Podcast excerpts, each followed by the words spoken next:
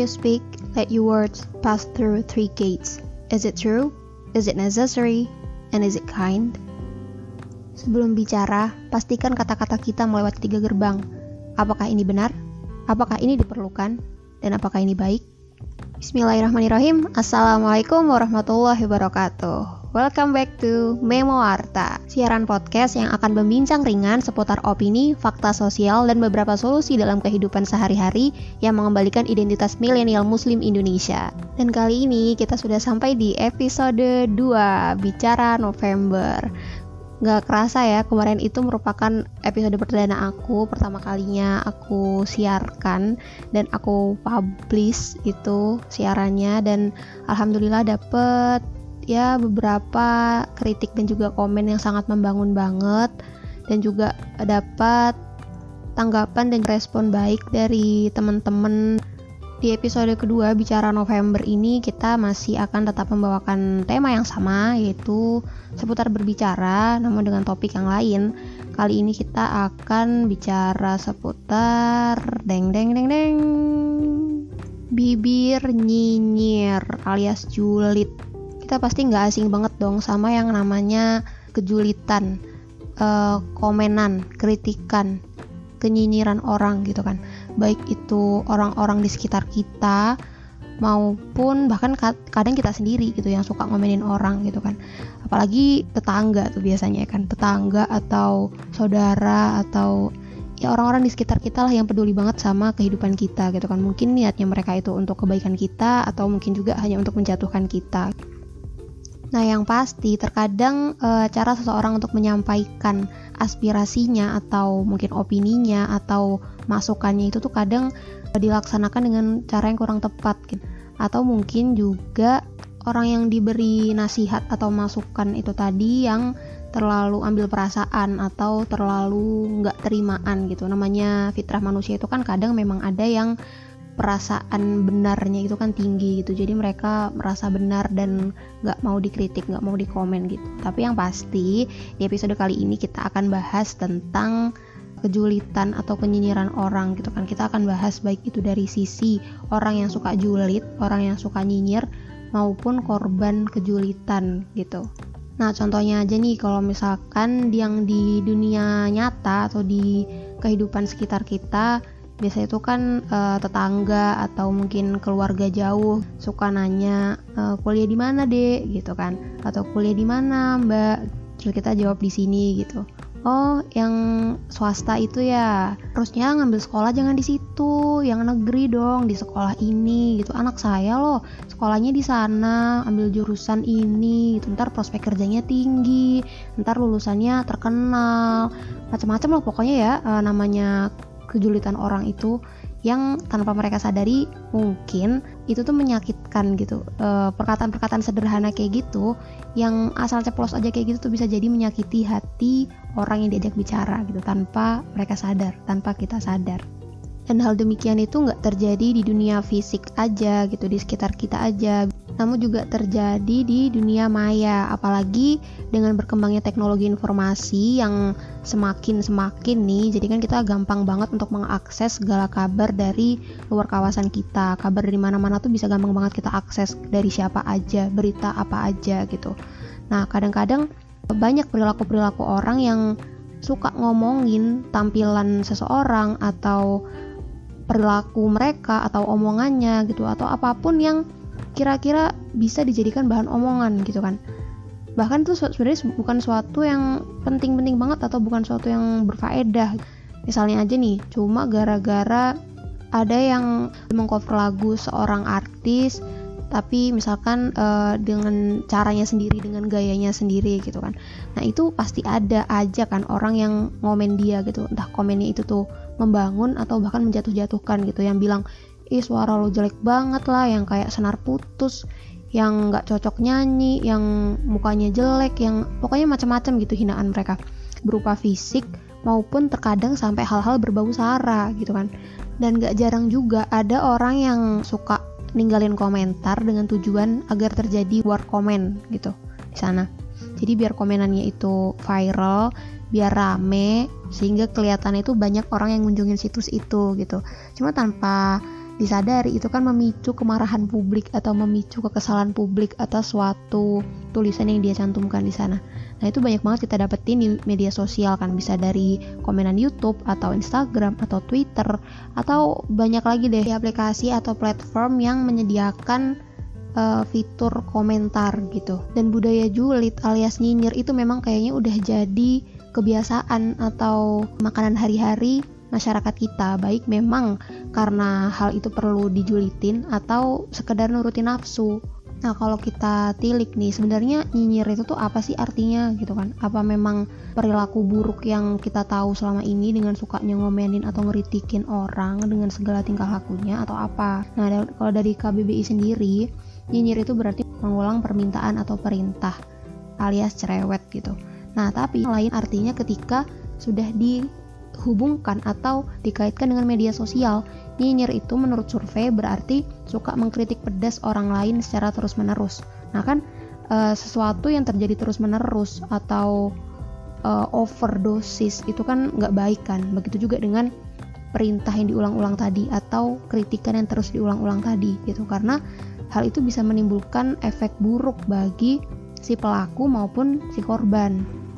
Nah terus biasanya apa sih penyebab orang bisa suka banget ngeritikin orang lain gitu? Apalagi kalau misalkan kritikannya itu nggak sekedar kritikan tapi berupa cacian atau ejekan atau hal-hal yang menjatuhkan. Nah yang pertama bisa jadi karena dia itu adanya sifat iri atau dengki gitu. Namanya orang e, bisa jadi kan ada yang nggak suka atas suatu pencapaian orang lain, nggak suka atas kebahagiaan dan kesuksesan orang lain gitu. Nah karena mereka gak bisa mendapatkannya atau ya mungkin sekedar nggak suka aja gitu kan ada ya orang kayak gitu ya. Nah itu e, mereka menyampaikannya atau mereka menyalurkannya dengan kejulitan tadi. Entah itu mencari-cari kesalahan atau mencari-cari kekurangan kayak gitu. Alasan lain itu adalah orang yang dia tuh kepo suka suka cari kesalahan dan kekurangan.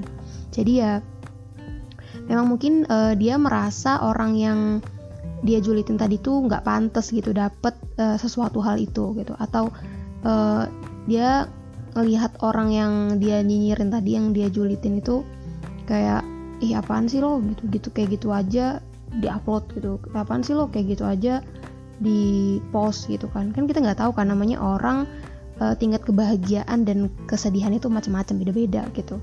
Nah seharusnya kita bisa menghargai perasaan mereka kita menghargai kehidupan mereka gitu loh. Nggak nggak setiap apa yang orang lain lakukan itu kita bisa ikut campur dalamnya gitu kan. Nah, habis itu yang lain adalah uh, dia tuh mencari pelarian atau tempat pelampiasan untuk menutupi kekurangannya gitu. Jadi bisa jadi kayak tadi disebutin di awal, karena dia nggak mampu untuk mendapatkan hal itu, dia nggak bisa, dia nggak punya, akhirnya daripada dia cuma ngeliatin dan pengen-pengen gitu, akhirnya dia melampiaskannya dengan menjulitin jadi dengan cari kesalahannya atau kekurangannya gitu kan jadi untuk menutupi ketidakmampuannya dia biasanya gitu sok-sok uh, ngeritik sok-sok ngata-ngatain gitu. Nah kemudian ada juga yang orang itu ngerasa Mr. Right gitu kan. Dia selalu benar merasa paling benar gitu. Ketika ada suatu opini yang di luar perspektif dia di luar sudut pandang dia itu tuh dia langsung kayak ih kayak gitu tuh salah. Yang bener punya gue kayak gitu.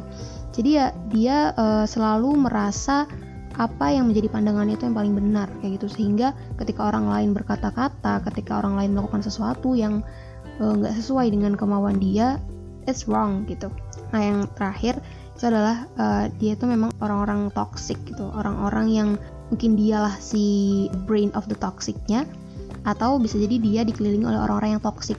Jadi ketika ada suatu perkara ya dia pengen aja gitu mulutnya gatal gitu kalau nggak ngomong dia menyampaikan perasaannya tadi tuh dengan cara-cara yang nggak baik gitu misalkan dengan julitin orang. Nah aku sering banget ya dapetin di uh, kolom komentar media sosial itu tuh kayak apa sih banyak banget orang yang suka ngomenin pendapat orang gitu. Namanya pendapat orang kan beda-beda ya. Kita nggak bisa memaksakan semua pendapat orang tuh kayak punya kita gitu.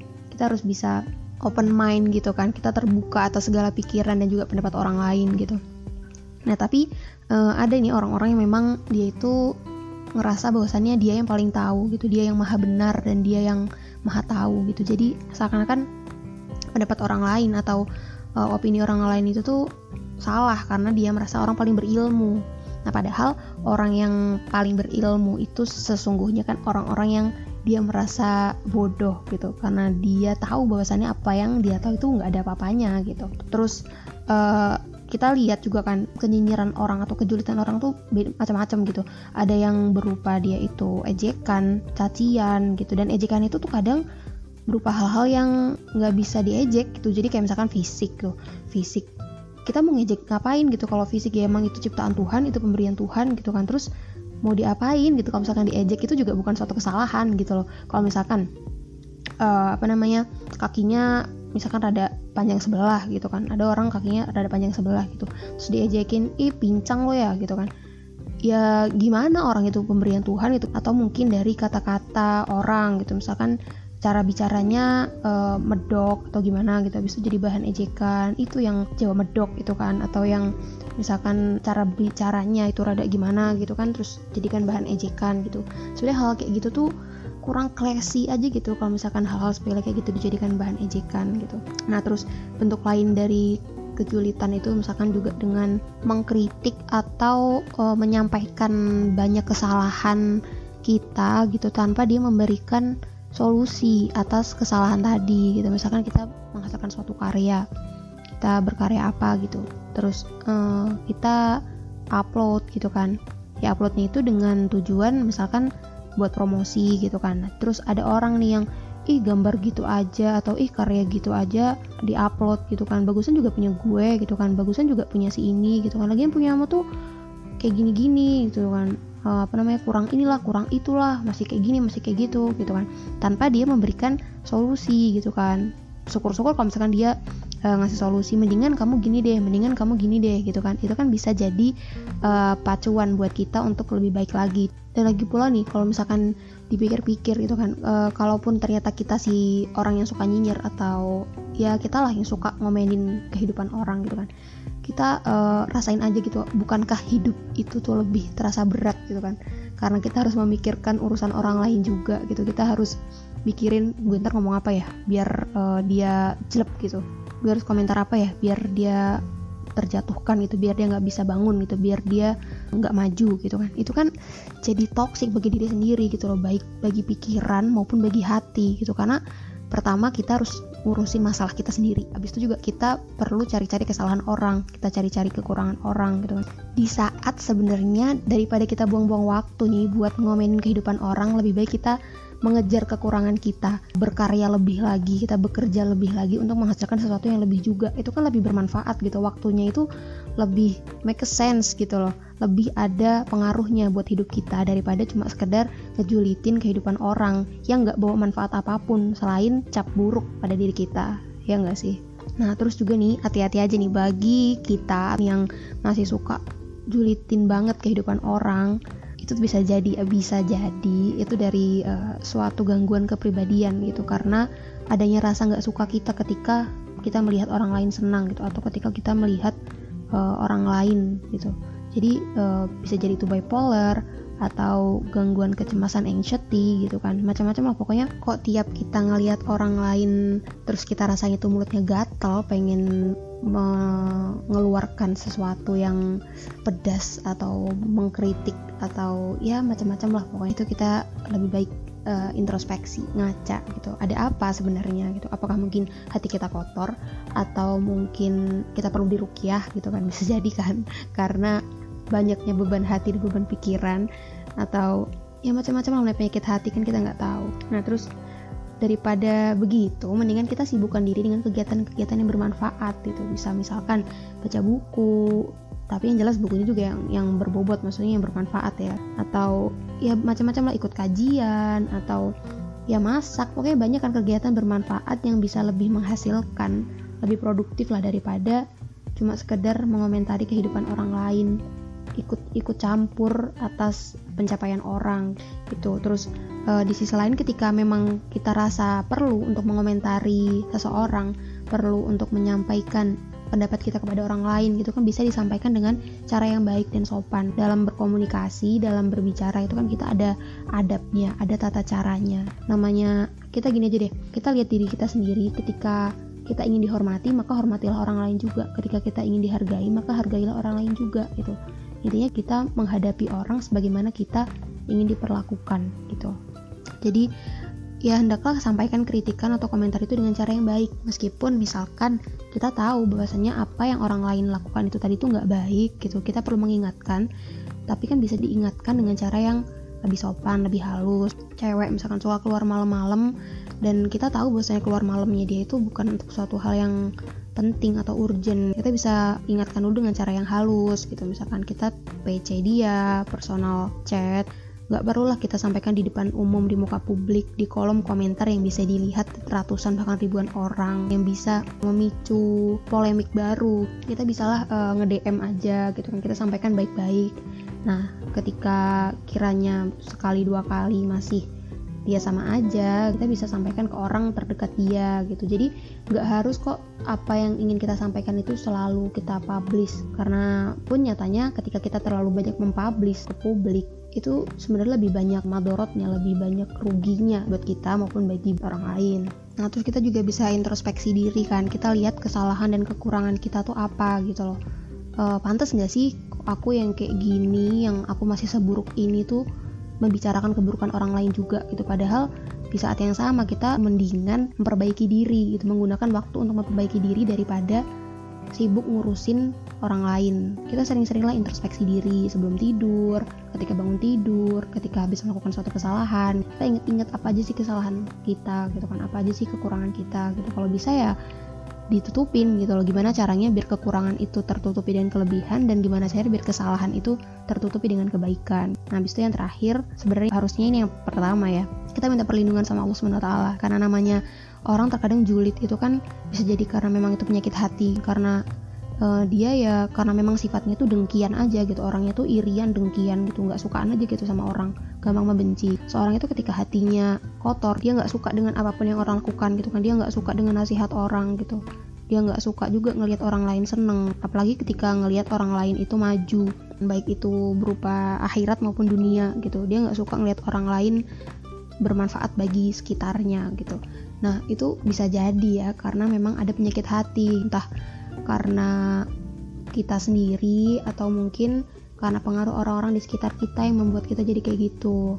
Jadi kalau menurut aku sebenarnya e, nyinyir atau julid itu tuh boleh gitu loh, boleh dalam rangka untuk mengingatkan orang gitu loh, mengingatkan bukan mengkritik pedas atau hanya sekedar uh, menyampaikan opini yang nggak perlu gitu kan kadang ada tuh uh, orang lagi upload apa gitu misalkan. Sebenarnya kita nggak perlu mengomentari dengan hal-hal yang pedas karena apa yang dilakukan itu bukan suatu kesalahan juga gitu bukan suatu keburukan gitu. Cuma kita gatal aja pengen ngomong sesuatu yang buruk tentang dia gitu.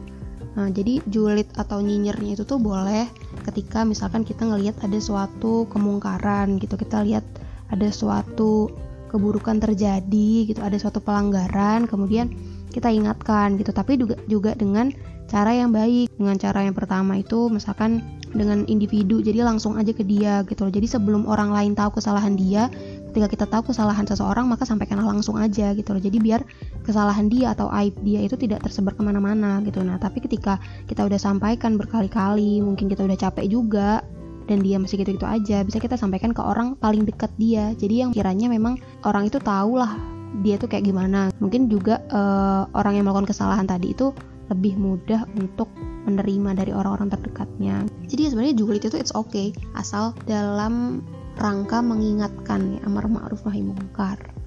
Amr bin As pernah berkata bicara itu seperti obat. Jika pas sesuai dosis maka akan bermanfaat. Namun jika kebanyakan akan mematikan. Bener atau bener